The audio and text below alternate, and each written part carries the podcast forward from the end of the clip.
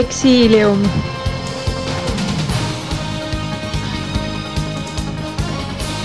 Exilium.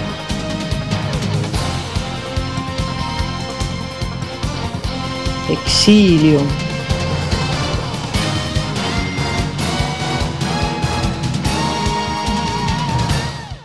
Exilium.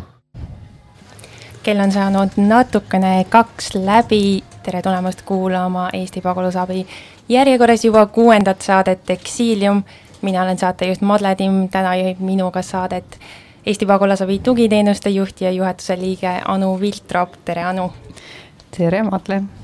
ilma pikema sissejuhatuseta tunnen juba siin stuudios millegi väga värske lõhna see peab olema meie uus tränderaamat. param-param-para jaa, meil on äh, täna äh, väga rõõmus sündmus, sellepärast et äh, meie pikaajalised pingutused on lõpuks kandnud vilja ja meil on valminud siis raamat rändetaustaga inimeste lugudest. Eh, meil on jutte siit ja sealt ja meil on ühtlasi siis eh, stuudios täna ka Brigitta Davidjants, kes on teinud ära selle imelise suure töö ja selle raamatu kokku pannud ja Vassili Panov, kes on siis ühtlasi meie raamatu üks kangelane, kui, kui nii võib öelda. tere teile ka. tere, tere ja saates äh, räägime ka täpsemalt, äh, mida tähendab identiteet äh, just neile inimestele, kes on Eestisse sisse rännanud ja kes on nii-öelda kahe koduriigi vahel, kus nad siis tunnevad ennast paremini kodus, kus ei tunne. Ja seda saame küsida juba nii Vassili kui Brigit, Brigitta käest, lisaks kuuleme saates lõiguti ka teiste raamatusse saanud inimeste lugusid koos muusikaga. ja selleks, et ennast kõige paremini just sellele lainele häälestada, kuulamegi esimest lugu. Ja selleks on üks Äh, Mehhikost pärit äh, bänd ja, ja nende lugu on miksitud siis äh, Efreniga, kes on samuti meie raamatu kangelane. Efren, sa küsid, millisest Mehhiko nurgast ma täpselt tulen, sest Mehhiko on hiiglaslik. kui keegi ütleb sulle, et ma võin siin Eestis külmetada, siis ma vastan, et siin on samamoodi nagu kodus. tõsi, miinus kakskümmend pole meil ammu olnud aga ma kasvasin üles väga kõrvalises ja külmas farmeri külas. meil oli väga palju lund. mul on oma lapsepõlvest fotosid, kus ma olen üleni lumega kaetud. lumi oli puusani. ma olin muidugi laps ega olnud kuigi pikk ja see lumi ei kestnud kaua, võib-olla kaks-kolm päeva.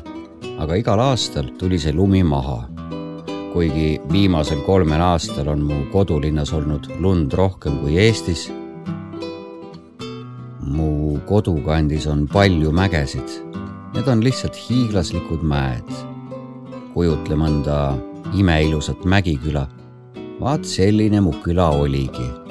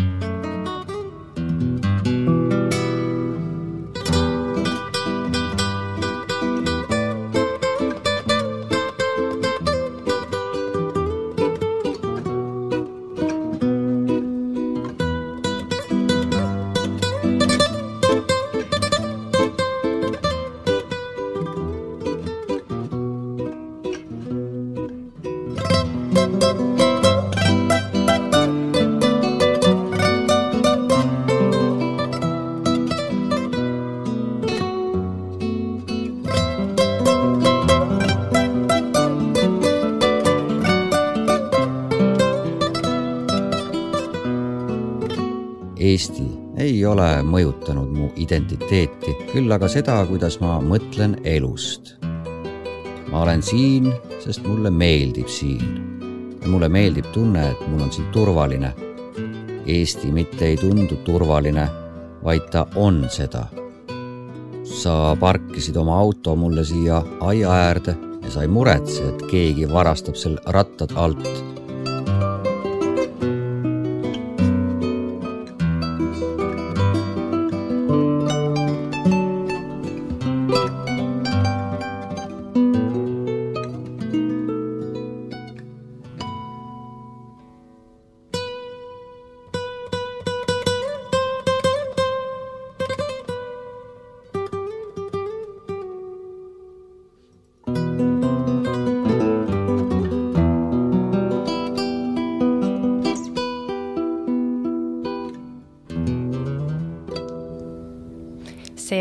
muusika Mehhikost, meiega läheme saatega Eksiilium edasi.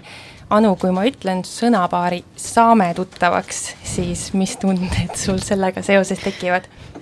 no saame pagulasabitöötajana ma arvan, et see huvi äh, tuttavaks saada nende inimestega, kes on Eestisse erinevatel põhjustel äh, jõudnud, äh, peabki olema. ja ma olen mitmel korral toonud näiteks meie ürituste koordinaatoreid Annelat ja, ja Annele Saamueli ja Mirjam Matiisenit, kellel mulle tundub, on selline professionaalne kretinism, et kui nad näevad mõnda inimest mõnes kontekstis, kes ei tundu päris eestlane, siis nad lähevadki juurde ja küsivad, kus sa oled, ähm, kust sa tuled, mida sa teha oskad? Ja niiviisi väga sujuvalt jah, ah, kaasavad nad äh, neid erinevatesse tegevustesse.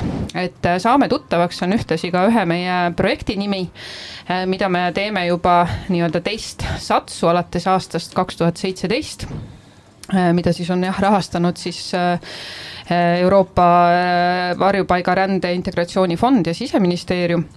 et selle raames me oleme käinud mööda Eestimaad, me oleme tutvustanud ja viinud kokku siis rändetaustaga inimesi kohalike kogukondadega, valmistanud koos süüa, tantsinud, mänginud trumme ja teinud kõike muud erinevat just selleks, et ühtepidi näidata nendele välismaalastele meie ilusat Eestimaad ja meie toredaid Eesti inimesi, aga teisipidi ka tutvustada kohalikele kogukondadele sisse rännanud inimesi, näidata neid, et olenemata sellest, kust sa täpselt päritolu oled, mis on, mis on su taust, mis on su kultuur, mis on see, see koduriik, me oleme ikkagi noh, kõikide erisuste juures on meil ka palju sarnast. ja, ja, ja me ei ole noh, ka välismaalane on üsna samasugune inimene nagu, nagu sinagi oma kodukülas et, et selle raames jah, oleme teinud peaasjalikult üritusi, aga tekkis meil mõte möödunud või isegi ülemöödunud aastal juba, et teha ka üks raamat rändetaustaga inimeste lugudest. just selleks, et jõuda ka nende inimesteni, kes mingil põhjusel saame tuttavaks üritustele pole veel jõudnud. ja, ja pakkuda võimalust natukene rohkem süvitsi minna nende, nende lugudega. Ja sealt Äh, raamatust, nendest lugudest äh, tuleb välja hästi üldistatud minu arust kaks asja, et üks asi on see, et miks Eesti välismaalastele armas on, et minu meelest äh, tuleb sealt välja see, üks on see turvalisus, mida me kuulsime, aga ka see et eestlased on kuidagi sellised natukene vaiksed või lasevad olla. Ja teiseks natukene selline küsimus, et kes ma siis olen ja, ja kuhu ma siis täpselt kuulun, kui ma nüüd siin Eestis olen. Enne veel, kui ma küsin raamatu koostajalt Brigitalt, kes meil on täna stuudios külaliseks, eh, kuidas oli raamatut teha, siis Anu, sina küsisid minult enne saate algust, Madle, kas sina tead, mida tähendab kontakthüpotees? Ja mina ei teadnud, aga sa oskasid selle kuidagi nii ilusasti sõnadesse panna, et äkki sa teed seda ühe korra veel? oi, teaduslikuks ära läheb. Ähm, põhimõtteliselt on siis kontakthüpotees ähm, või räägib sellest, et äh, kui erinevaid äh, ühiskonnagruppe, erinevaid kogu, kogukondi äh, kontrollitud keskkonnas omavahel kokku viia, äh, siis see toob kaasa selliste eelarvamuste, stereotüüpide ja hirmude vähendamist ma saan aru, et teaduslikus plaanis veel öeldakse, et teema vajab kõvasti uurimist, aga ma arvan, et see meie Saame tuttavaks näide tegelikult nagu toetab seda, et, et äkki ongi siin tõepõhi all. me näeme inimeste suhtumise muutust juba ka selle ürituse ajal Ehm, kuidas alguses tullakse natukene võib-olla kulmkortsus ja, ja küsitakse natuke teravamaid küsimusi, siis, siis äh, hiljem on äh, kõik nagu kuidagi omavahel sõbralikult koos meie ränderaamatus äh, sai kokku kümme lugu. Brigitta, räägi, kuidas oli sinu jaoks kui koostaja jaoks kogu seda raamatut üldse kokku panna? no ma esimese asjana võib-olla et äh, seda raamatut et seda raamatut kirjutada oli nagu, ta oli ühest küljest huvitav, ta oli ka üsna valulik, sest need äh, lood on väga hingeminevad. et natuke selline ajab sind nutma, mõni asi ajab naerma ja noh, võib-olla kuna ma olen ise rändetaustaga, siis selle võrra see puudutas mind eriti, sest noh, et äh, see küsimus, et mis on su identiteet, et mõne inimese jaoks on see hästi loomulik, teise jaoks on see rohkem, võib-olla nõuab pea murdmist.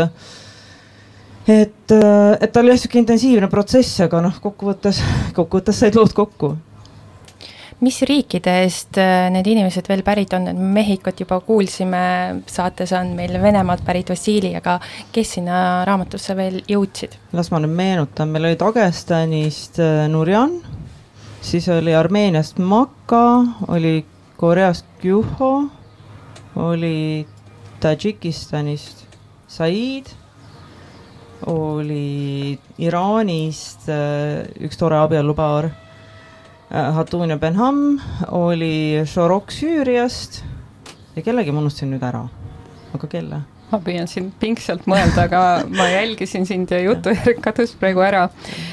me vabandame juba ette selle inimese ees, kui meelde tuleb, siis kohe ütleme, on ju. Brigitta, ma tean, et sa ise oled eestlane ühe vanaema poolt ja nagu sa mainisid ka, siis sinu juured on Armeenias äh, kuidas sina ennast Eestis tunned, kas sa tunned ennast eestlasena, armeenlasena või kellegi kolmandana?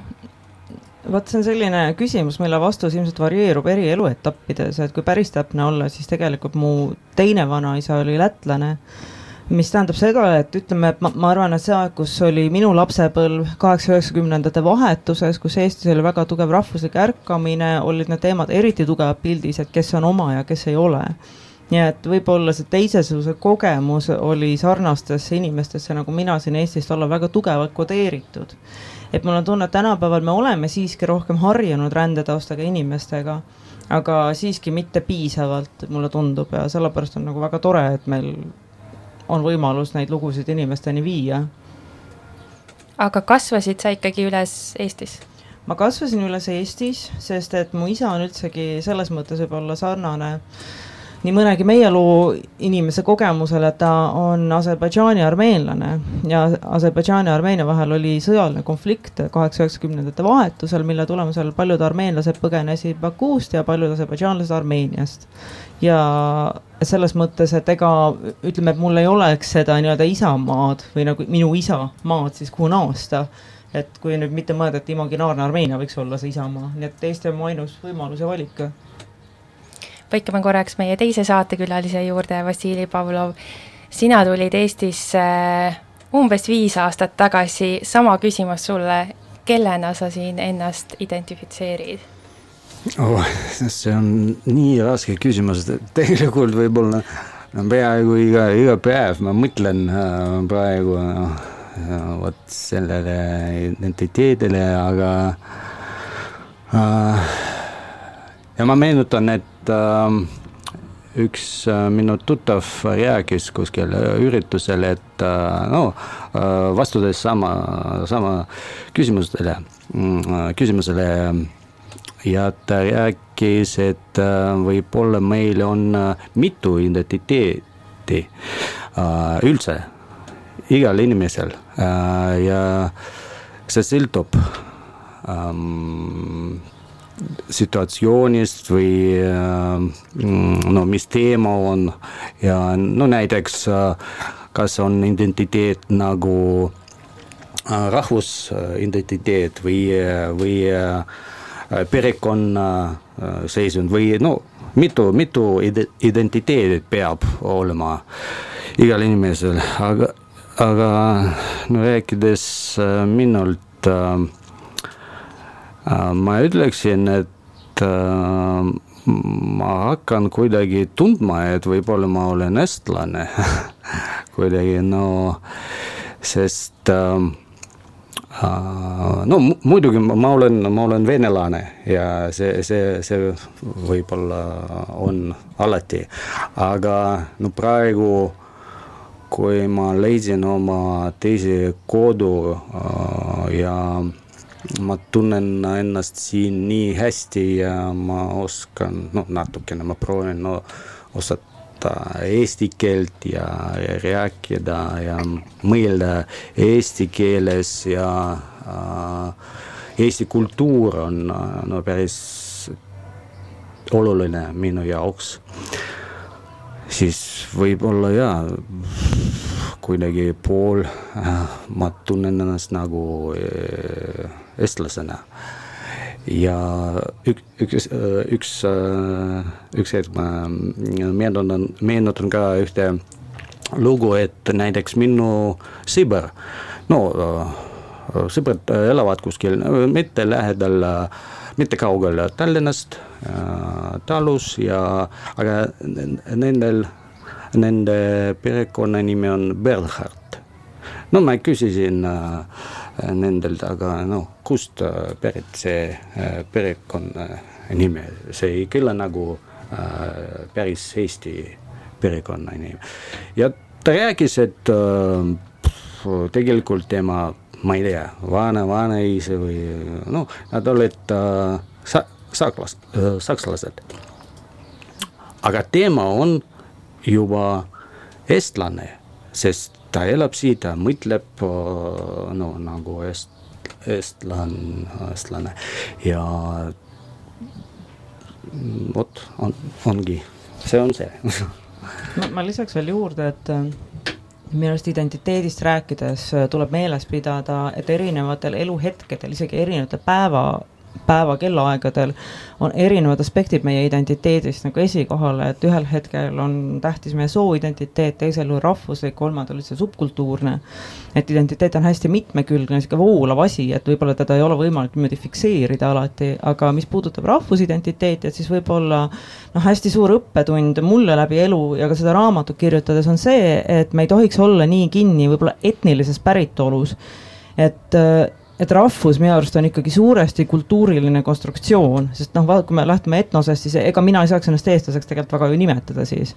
aga ometi ma ju tunnetan ja teadvustan ennast eestlasena ma võib-olla veel laiendaks äh, Brigitte mõtet, et Vassili sind ka kuulates, et äh, jah, et identiteeti me ei saa käsitleda nii lihtsalt, et mis maalane ma siis olen, et olen ma siis eestlane, venelane, süürlane või, või keegi meel, et äh, mõelge ka oma elu peale, et äh, on ju teatud sellised äh, hetked meie elus, kui me igal juhul hakkame küsimärgistama, et kes me oleme, noh, mõelge näiteks teismelise iga, mis on nagu suur murrang selles, et kuidas ma iseennast tajun ja iseennast näen ja niiviisi see ilmselt elu jooksul, sõltuvalt jah, nendest rollidest äh, muutub ja varieerubki. aga ränne või rändamine äh, kuskile teise riiki, kolimine, pikaajaliselt olemine äh, tundub mulle ka siis pagulasabi töökogemusest. noh, igal juhul toob selle teema inimese jaoks äh, üsna teravalt esile. Vassili noogutab siin kõrvale ja, ja noh, tegelikult uuringud ju toetavad ka, et, et ähm, kui vaadata näiteks pagulaste vaatest, et siis äh, võib-olla see esimene põlvkond on no kas kas siis tänulik või vähemalt püüab nende reeglitega, no uue kodumaa reeglitega siis nagu toime tulla ja, ja kohaneda. Teisel põlvkonnal on see juba nagu määratult raskem, et kui esimene põlvkond ikkagi tajub oma juuri või algu seal oma koduriigis pigem, siis see teine, teine piir, põlvkond hakkab juba, juba ujuma, et kus ma siis olen, kuhu ma siis kuulun, ma ei ole nagu päriselt nagu kumbki. näeme ka seda, et see, see, see, see ujumine või noh, see, see, see teadmatus või arusaam arusaamatus äh, võib tekitada ka peres erinevate põlvkondade vahel äh, konflikti. noh, ja uuringud kinnitavad siis, et noh, et kolmandast põlvkonnast läheb ehk äh, natukene rahulikumaks, aga see, see eemaldume sellest, sellest nii-öelda päritoluriigist, eks ole, et see, see muutub äh, ilmselt siis väga no kuidagi kaugeks või mitte nii oluliseks kindlasti äh, läheme selle teemaga veel edasi, vahepeal kuulame aga taaskord natukene muusikat ja ühe tegelase lugu meie ränderaamatust. kuna Brigitta juured on samuti Armeenias, siis valisin Margariti Armeeniast ja taustaks kõlab John Bileskiani Karsipari lugu. Margarit. mina olen Margarit, kuigi mind kutsutakse Makaks ma olen pärit Armeeniast. sündisin tuhande üheksasaja kaheksakümne esimesel aastal Jerevanis. mu esimene mälestus on teiste lastega päevade kaupa õues jooksmisest. meil oli kogu tänava peale üks jalgratas, millega üksteise järel sõitsime. seltsisin peamiselt poistega. ronisin nendega puu otsa ja mööda seinu üles-alla. mõnikord mängisime hommikust õhtuni sulgpalli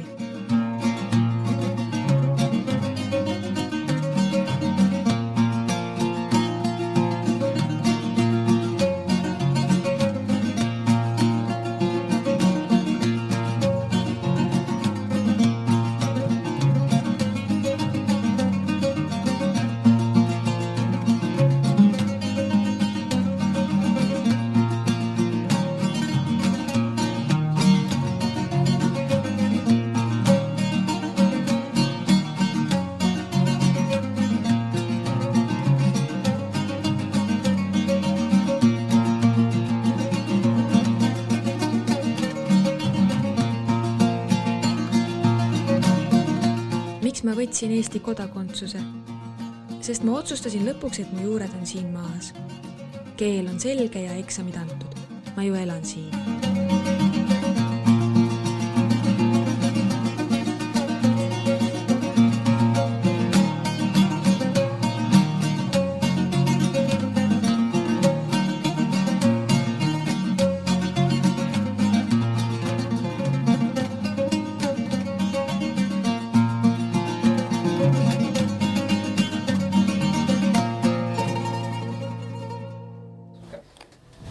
see on Eesti Pagulasabi raadiosaade Exilium, läheme kohe edasi temaatiliselt, kuna muusikapalas rääkis Margarit Armeeniast ja Brigitta on ise Armeenia juurtega, siis Brigitta, kuna sina intervjueerisid väga põhjalikult eh, Margariti hüüdnimega Makat, siis eh, oskad sa tuua tema puhul välja midagi, mis sulle endale eriliselt meelde jäi või südamesse läks?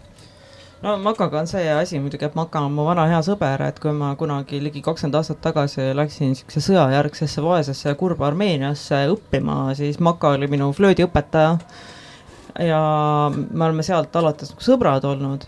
aga Ma-, Maka lugu oli tõesti selline, et temas on sellist nagu leebed huumorit, kus sul üks silm naerab ja teine nutab, mis natuke meenutab mulle mingeid kaasaegseid vene autoreid ka, kellel on natuke sarnane kirjutamisstiil. ja niisugust situatsiooni koomikat ja traagikat ja noh, mingit, et ta suudab niisuguses Armeenia elus kuidagi panna sõrme hästi peale ja tabada ka seda nagu vaesust ja kurbust, mis seal oli, aga samas ka meie elu minu arust väga hästi tabada, näiteks kui ta kirjeldab, kuidas ta otsustas, et tuli majanduslangus Eestis ja siis ei olnud võimalik tööd saada ja siis ta läks äh, siis tal üks Baku armeenlane sõbranna ütles, et kuule, praegu otsitakse rahvaloendajaid ja kuidas ta läks, loendas inimesed ära ja siis järgmine päev läks tagasi, siis selgus, et keegi oli vahepeal umbes nuga saanud ja siis, et mis me nüüd teeme, inimene on loendatud ja kirja pandud.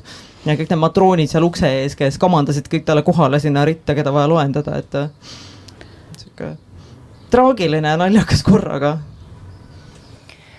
laienda palun äh, kuulajatele ka võib-olla lühidalt, et äh, mis see Maka lugu kokkuvõttes on, kuidas ta Eestisse üldse jõudis? Maka tuli õppima siia Viljandi Kultuuriakadeemiasse, ta on suurepärane interpreet ja siis ta mingi hetk läks Armeeniasse tagasi, aga ei kohanenud ilmselt seal, seal enam, sest minu arust Maka oma nagu iseloomult on rohkem eestlane kui paljud eestlased.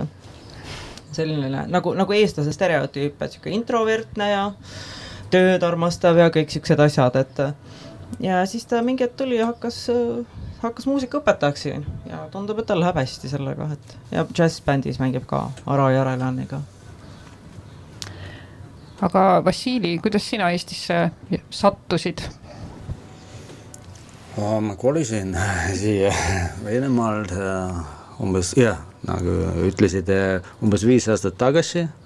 lihtsalt äh, juhtus niimoodi, et ma otsustasin äh, lahkuda Venemaalt ja pärast seda hakkasin valima tegelikult kuhu ja juhtus nii, et no minu tuttavad juba, juba kolisid siia. ja no nagu ma võtsin nendel, nendel nagu ühendust ja nõustamist ja nõustamise. ja tulin, tulin proovima, nagu käisin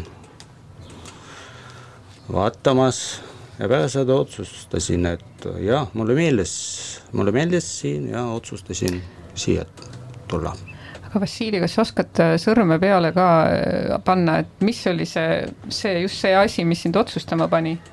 oli midagi sellist konkreetset? Aga mis, mis me te no kas oli midagi kohe eriti, mis sulle Eesti juures kuidagi siis nagu sümpatiseeris Aa. või, või silma jäi?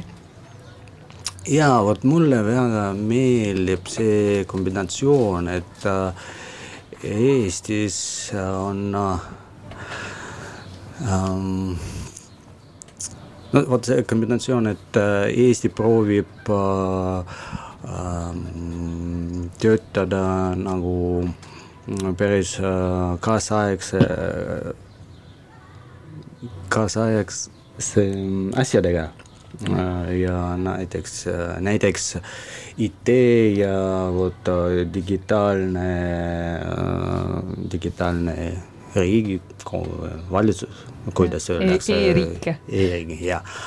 vot ühel pool ja teisel pool on, et äh, vot siin äh,, siin äh, võib äh, tunda väga hästi, kuidas äh, Eesti äh, no meenutab ja hoiab oma, oma, oma aja, ajalugu ja äh, noh, vanasid, vanu asju nagu majasid või maju.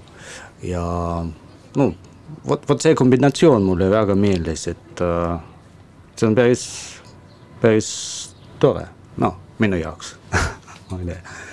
Ma tahaks lisada Vassili loo kohta, kui inimene, kes Vassiliga vestles ja selle loo kirja pani, et mulle väga sümpatiseeris see, et ühesõnaga soovitaks seda lugu kõigil neil inimestel, kellel jätkuvalt veel on mingid mentaalsed stereotüübid venelastega ja Venemaaga ja venemaalastega, Eesti venelastega, et minu arust see lugu kummutab neid väga hästi, väga erudeeritult äh, ja väga kuidagi ilmekalt, et ja, ja ma tahaksin ka, aitäh, ja ma tahaksin ka lisada, et äh, vot mulle väga sümpatiseerib, mulle väga, väga meeldib, et Eesti täpselt, no Äh, see näeb välja niimoodi, et Eesti äh, teab äh, selgelt no minu jaoks absoluutselt, kuhu minna, et vot na, nagu riik, ma mõtlen nagu poliitilises mõttes, nagu vot kui, kui noh, Eesti ütles goodbye Nõukogude Liit ja siis meil on, meil on oma äh, oma tee ja me, me oleme Euroopa osa. Ja vot see on, no minu jaoks on absoluutselt vot selge ja see, see on see mulle meeldib see asja, asi. Vassili, mis on sinu jaoks need asjad, mis teevad sinu jaoks kodust kodu uh.? ma alati, alati ütlen või räägin, et äh, mis on riik või maa, country, ma mõtlen äh,.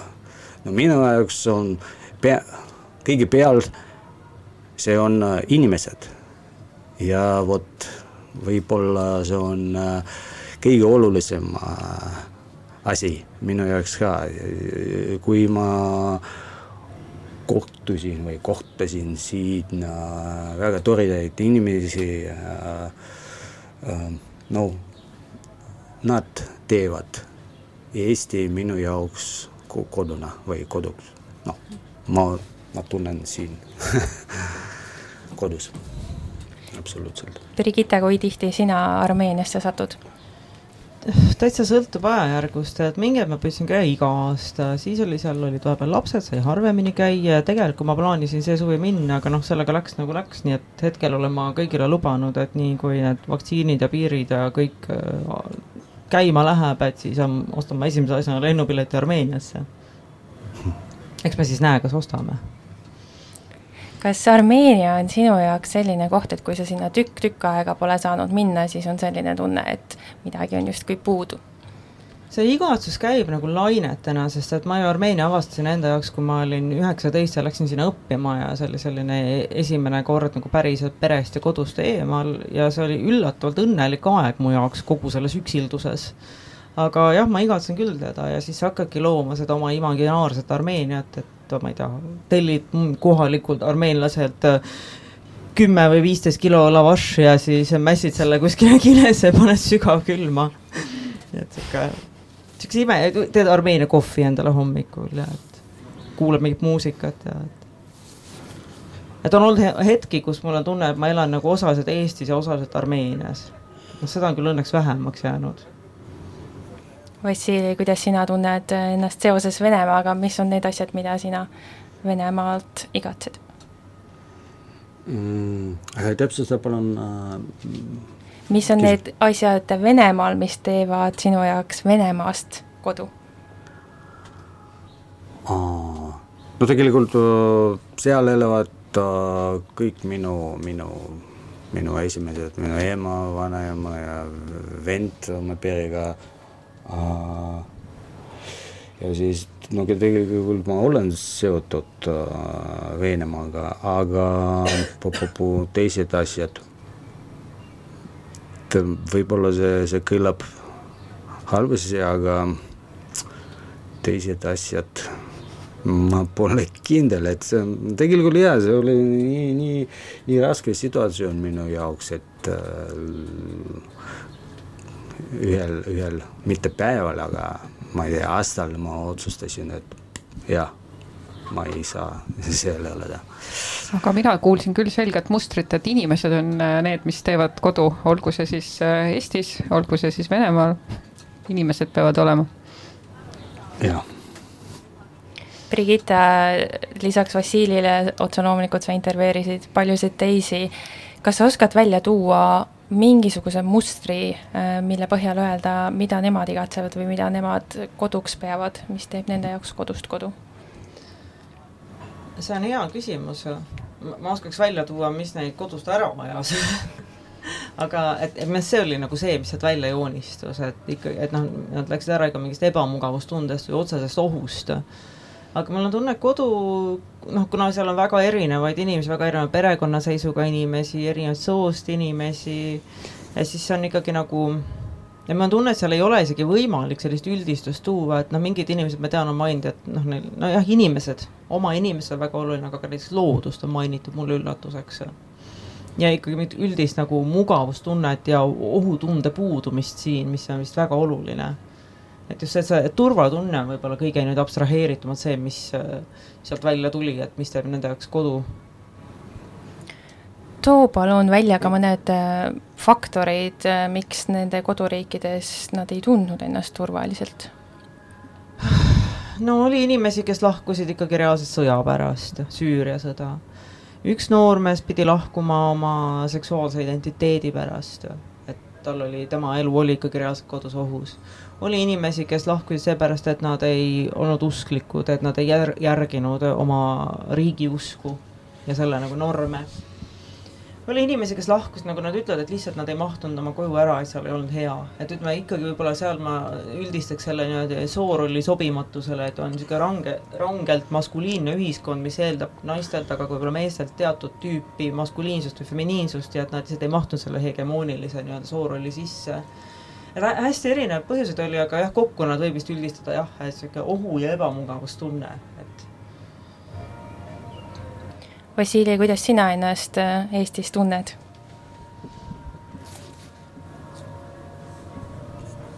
kuidas mina tunnen ennast siin, Eestis?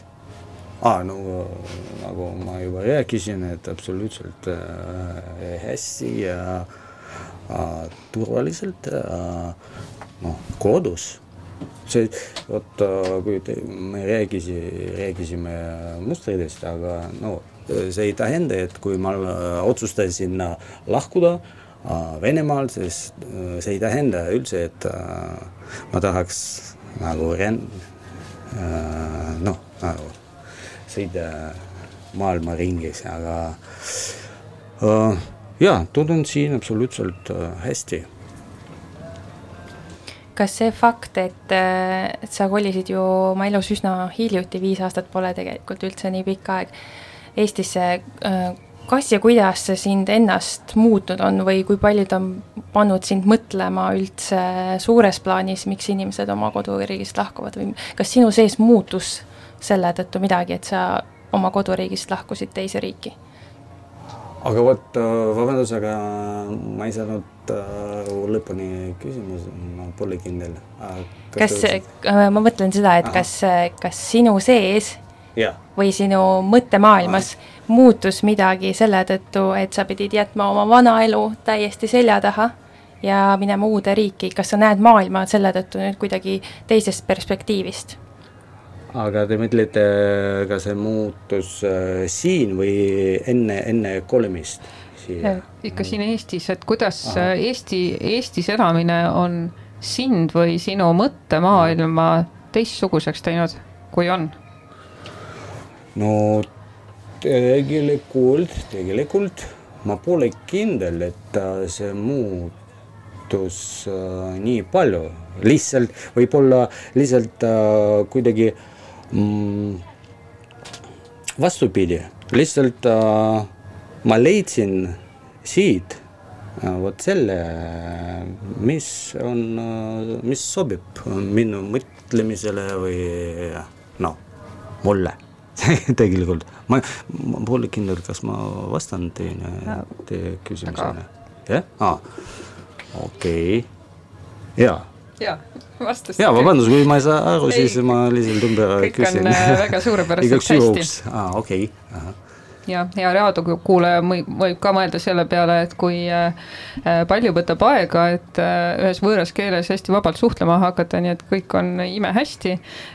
praktiseerimise käigus kasvab ka osavus. nii et on imetore, Vassili, et sa tuled ja meiega otse-eetris räägid. Aitäh, rõõm kuulda Brigitta, mul on sulle küsimus, et kui kui sina ja selle viimase loo olid kirja pannud, siis mis sinu sees muutus pärast kõikide nende lugude kuulamist? tead, ma arvan, et otseselt ei muutunud midagi, aga pigem leidsid mingid teadmised ja arvamused ja mõtted kinnitust. et pigem see kinnistas võib-olla mingisuguseid asju, mis ma olen arvanud, tundnud võib-olla et ma ei julgeks jah, nagu hakata muutusest rääkima. aga noh, see oli kindlasti noh, see oli minu jaoks nagu väga intensiivne kogemus, sest et iga sellise looga sa ikkagi ju noh, kellegi loo kirja panemine, see ei ole lihtsalt üles kirjutamine või see, et sa teed intervjuu, see on ikkagi see, et sa püüad selle inimese sisse minna ja aru saada, mis ta tunneb, sest ega muidu sealt lugu ei tule, kui sa ei tunne nagu väga tugevat hoolimist selle inimese vastu, kellega sa räägid.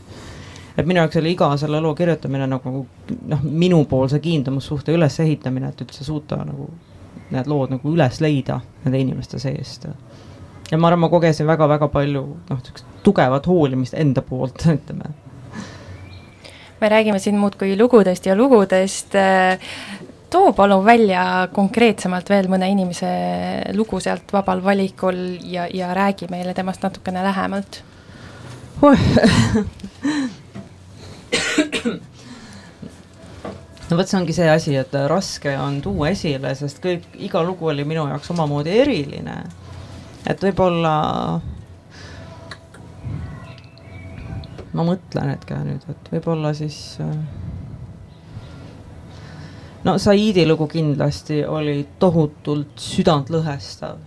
et noormees, kes Tadžikistanis lahkus oma soo- ja seksuaalidentiteedi pärast või no ütleme, soolise eneseväljenduse ja seksuaalidentiteedi pärast ja noh, see kadalipp, see elu, mis tema nagu läbi tegi enne seda ja noh, tegemist on ikkagi võrdlemisi noore inimesega, on selline, mida ma ei sooviks mitte kellelegi, et noh, et, et noh, see oli see lugu, noh, mida sa kirjutad ja nutad. ja, ja samas jällegi sa loed ja mõtled, et kui tohutult tugev inimene, et milline nagu ellujäämisinstinkt murda välja millestki sellisest.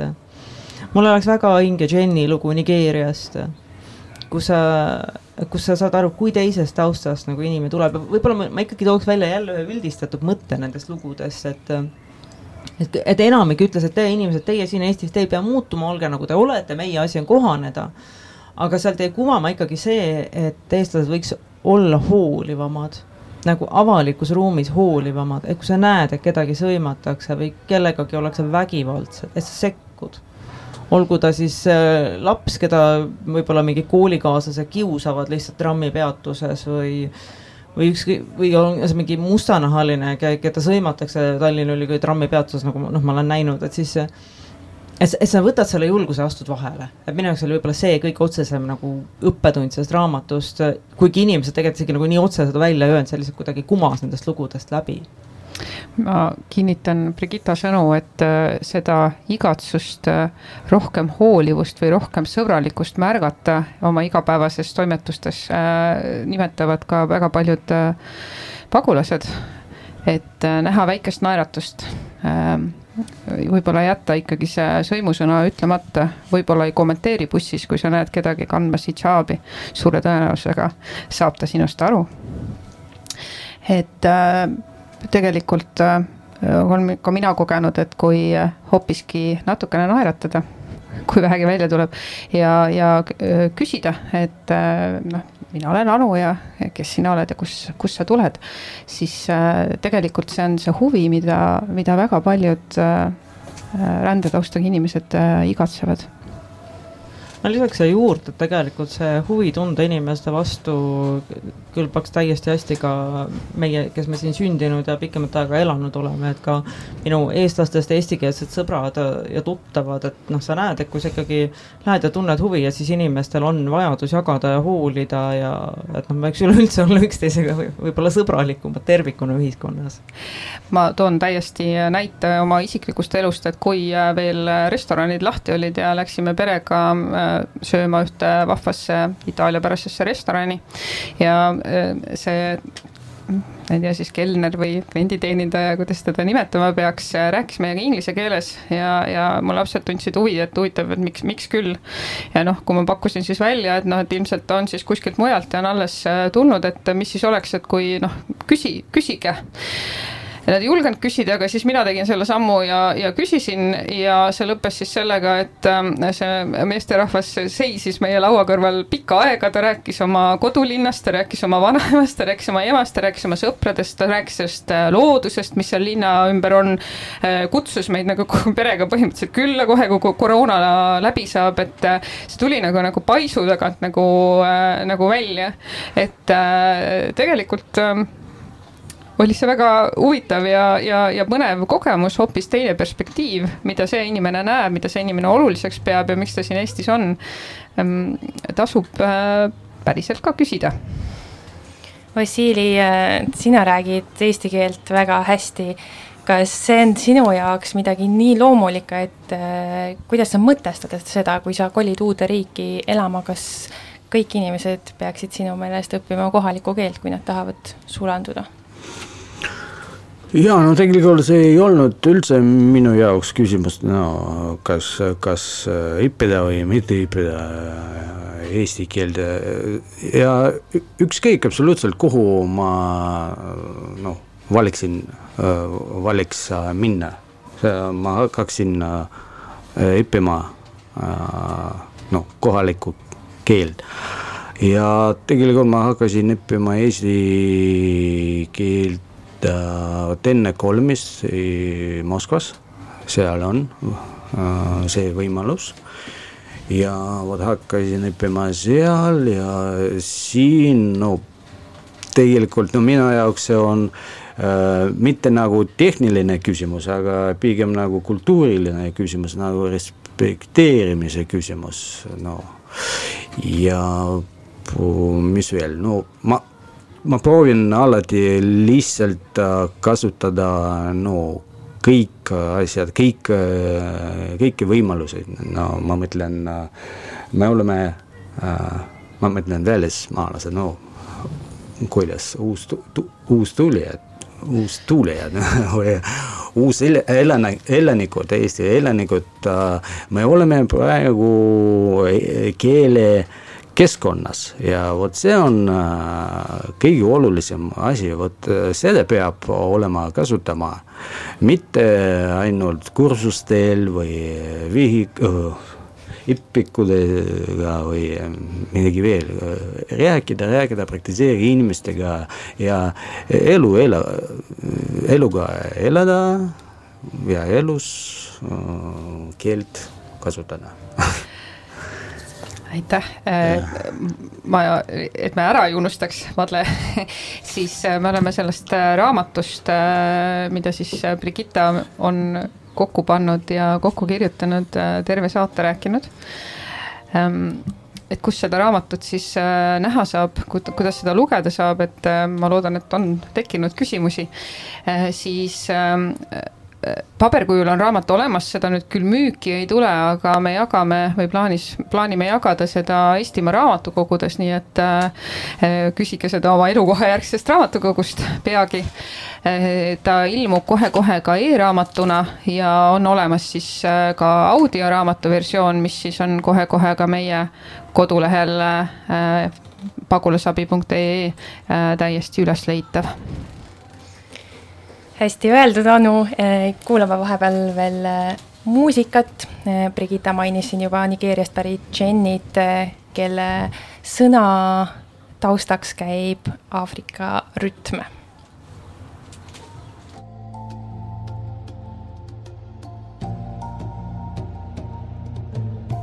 Jenny. mina olen Jenny.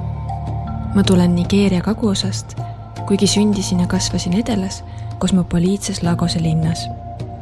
Lagos on tõeline sulatusahi. nagu ameeriklastele New York. elu on väga kiire ja aktiivne, palju lärmakam kui siin Eestis. Nigeeria on kõige erinevamate kultuuride, toitude ja rõivaste maa, kuid ometi oleme leidnud mooduseid, kuidas väärtustada iga meie hõimukultuuri. kui sain üheksa, kolisid mu vanemad äärelinna. seal oli palju vähem rahvast see oli väga vaikne kogukond, kuigi ka seal olid turvariskid, kallaletungid ja seksuaalkuriteod. või pisikuriteod, näiteks võis keegi varastada ära su võtmed. kui kasvataksin oma last seal, oleksin ma eriti ettevaatlik. ehk oli see meie pere saatusesse kirjutatud, et jõudsime kõik alati koju, aga tagasi vaadates saan ma aru, et seal oli ohtlik.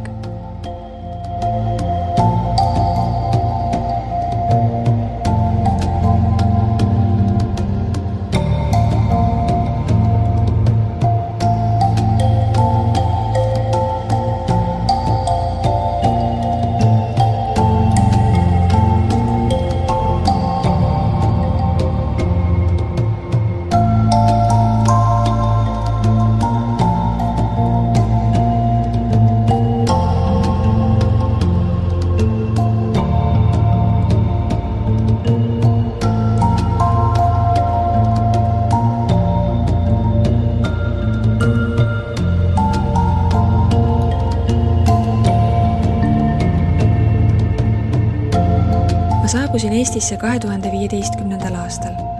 tulin abikaasa juurde, kes asus siia tööle. Lagoses elab viimase rahvaloenduse järgi kakskümmend kaks miljonit inimest, nii et võid ainult ette kujutada, milline on sealne elu. siia saabudes tundus Eesti mulle hea keskkond, sest siin on üsna vaikne ja rahumeelne. ja siin sündis mu poeg Louis. ma ei teadnud Eestist eriti midagi kuigi olin kuulnud Lätist ja Leedust, neist ikka räägiti uudistes ja ajalehtedes, aga Eestist miskipärast mitte. kui mu mees ütles, et kolib siia, siis sain teada, et Eestil on väga positiivne kuvand. kõik, mida lugesin, oli väga kiitev. et keskaegne linn tugeva kultuuripärandiga ja maailma mastaabis digihiiglane, välisinvestoritele atraktiivne. Nigeerias olin ma mehaanikainsener. ma ei teadnud siia tulles, kuidas on selle valdkonnaga siin lood küll aga teadsin, et mind piirab keeleoskus, nagu ka see, et ma ei tea midagi kohalikest regulatsioonidest. aga need asjad õpib töö või lühikursuste käigus selgeks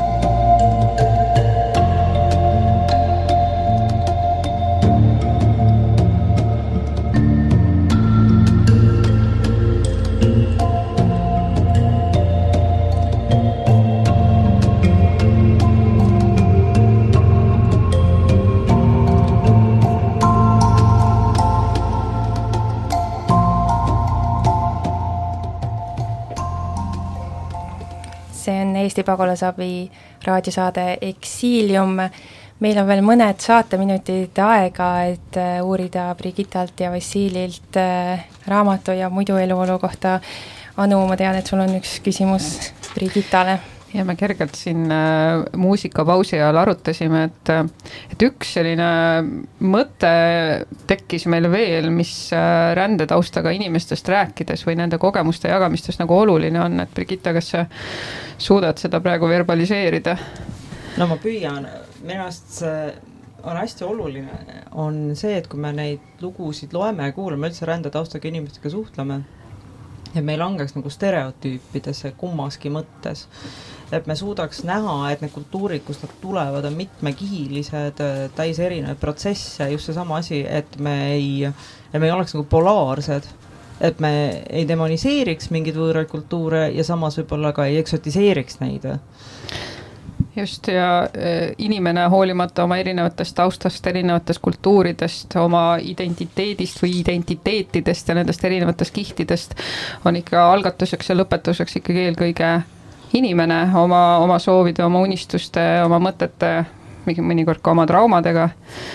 ja noh, nii nagu, nagu me kõik oleme, et, et selles suhtes see eh, stereotüüpide puhul jah, et me võime, võime kasutada neid kahtepidi, et me võime äh, noh, ehitada selliseid negatiivseid stereotüüpe või võime siis ehitada teadmatusest või arvame, et hoolime ja ehitada selliseid väga ma ei tea, ma ei oska isegi öelda, et kas positiivseid äh, stereotüüpe, aga et justkui kuna ta on rändetaustaga, ta on nii kaugelt tulnud, siis järelikult äh, ma ei tea, äh, vajab ta kindlasti minu abi, minu, minu, minu talvejopet, minu äh, ma ei tea, saapaid, äh, ma pean kandikul kandma talle ette töö, jah, ma muidugi pean teda aitama või kui ta, kui tal on seda abi vaja ja ta seda minu käest küsib, aga ma pean olema selle juures äh, lugupidav ja aktsepteerima ikkagi seda inimese enda soovi, seda enda tahet, tema enda äh, väärikust olla, elada. et võib-olla see päästjakompleks ei tule nagu kasuks? just, näed, mina rääkisin pikalt ja Brigitta sai ühe sõnaga hakkama Vassili, äh, sõna sulle ja küsimus on tuleviku kohta, kuidas sina enda tulevikku Eestis või kas Eestis näed? jaa, ma mõtlesin äh, või olen mõelnud sellele ja et äh, muidugi no mina isiklikult näen oma tulevikku siin Eestis ja ma tahaksin edasi siin elada ja kasvada ja no ma ei tea aga lihtsalt nagu vot see pandeemia situatsioon näitas meile kõigile meile, et äh, no jaa, me planeerime, planeerime, aga no e-, elu ütleb ei võib-olla, aga jaa, vot minu soov ja minu plaan, ma ei tea, eluplaan muidugi elada siin Eestis. Brigitta, sulle, kas sa näed ennast tulevikus ehk mingi hetk Armeenias elamas? Kindlasti mitte et ma võin Armeeniat külastada, aga minu kodu on siiski Eestis. et mul on üsna kindlalt juured siin maas. Made, sina oled ka palju reisinud, kus sina ennast tulevikus näed? Eestis, kui sa nüüd pikemalt küsid, aga ma kindlasti olen jah, selles mõttes püsimatu hing, nagu meil mõn-, tuleb välja mõni äh, raamatutegelane samamoodi, rändas tegelikult enne pool maailma läbi, kui jõudis siis Eestisse või kohta, kus ta tunneb ennast kodus. et sinus on ka potentsiaali. tuleb nii välja. jaa ähm aga räägime siis uuesti üle, et äh, raamat on äh, kõikidele tegelikult äh, lugemiseks ja tutvumiseks, me loodame, et te naudite seda sama palju kui meie. seda on võimalik lugeda peagi e-, Eesti raamatukogude abil, et me plaanime saata Eestimaa raamatukogudesse siis paar eksemplari üle Eesti. siis peagi-peagi me paneme selle nüüd kodulehele üles ka äh, e-raamatuna ja audioraamatuna. Äh, lugege ise, äh, jagage oma sõpradega, sest ma usun, et oleme siis rändetaustaga või mitte, identiteedi üle, rändamise üle iseendaks olemise üle mõtleme me mingil eluetapil ikkagi kõik kiirelt veel äh, saate alguses küsisin sinu kohta, saame tuttavaks. Äh, projektist ja ma tean, et meil on Pärnumaal kohe-kohe tulemas selle projekti raames üks üritus, käi veel kiirelt üle, milles see seisneb Iisraeli toitude õpituba on olnud mõttepaus. jaa, mul on, jaa, see on äh, kahekümne kolmandal mail on Iisraeli toitude õpituba äh, Pärnumaal Lindi külas äh, ja kodulehelt saame tuttavaks.ee leiab täpsemat infot selle ürituse kohta, et jälgime riigi piiranguid, üritus toimub õues, hajume, desinfitseerime, kanname maske, et selles suhtes ähm, ettevaatlik peab olema, aga ülemäära karta ei, ei tasu. suurepärane, nii et kõik kodulehele uudistama, tänavatele inimestele naeratama ja, ja kuulake ja lugege siis raamatut peagi juba meie kodulehelt. saate lõpetuseks kuulame aga Nigeeria muusikat Les Files de Illigadat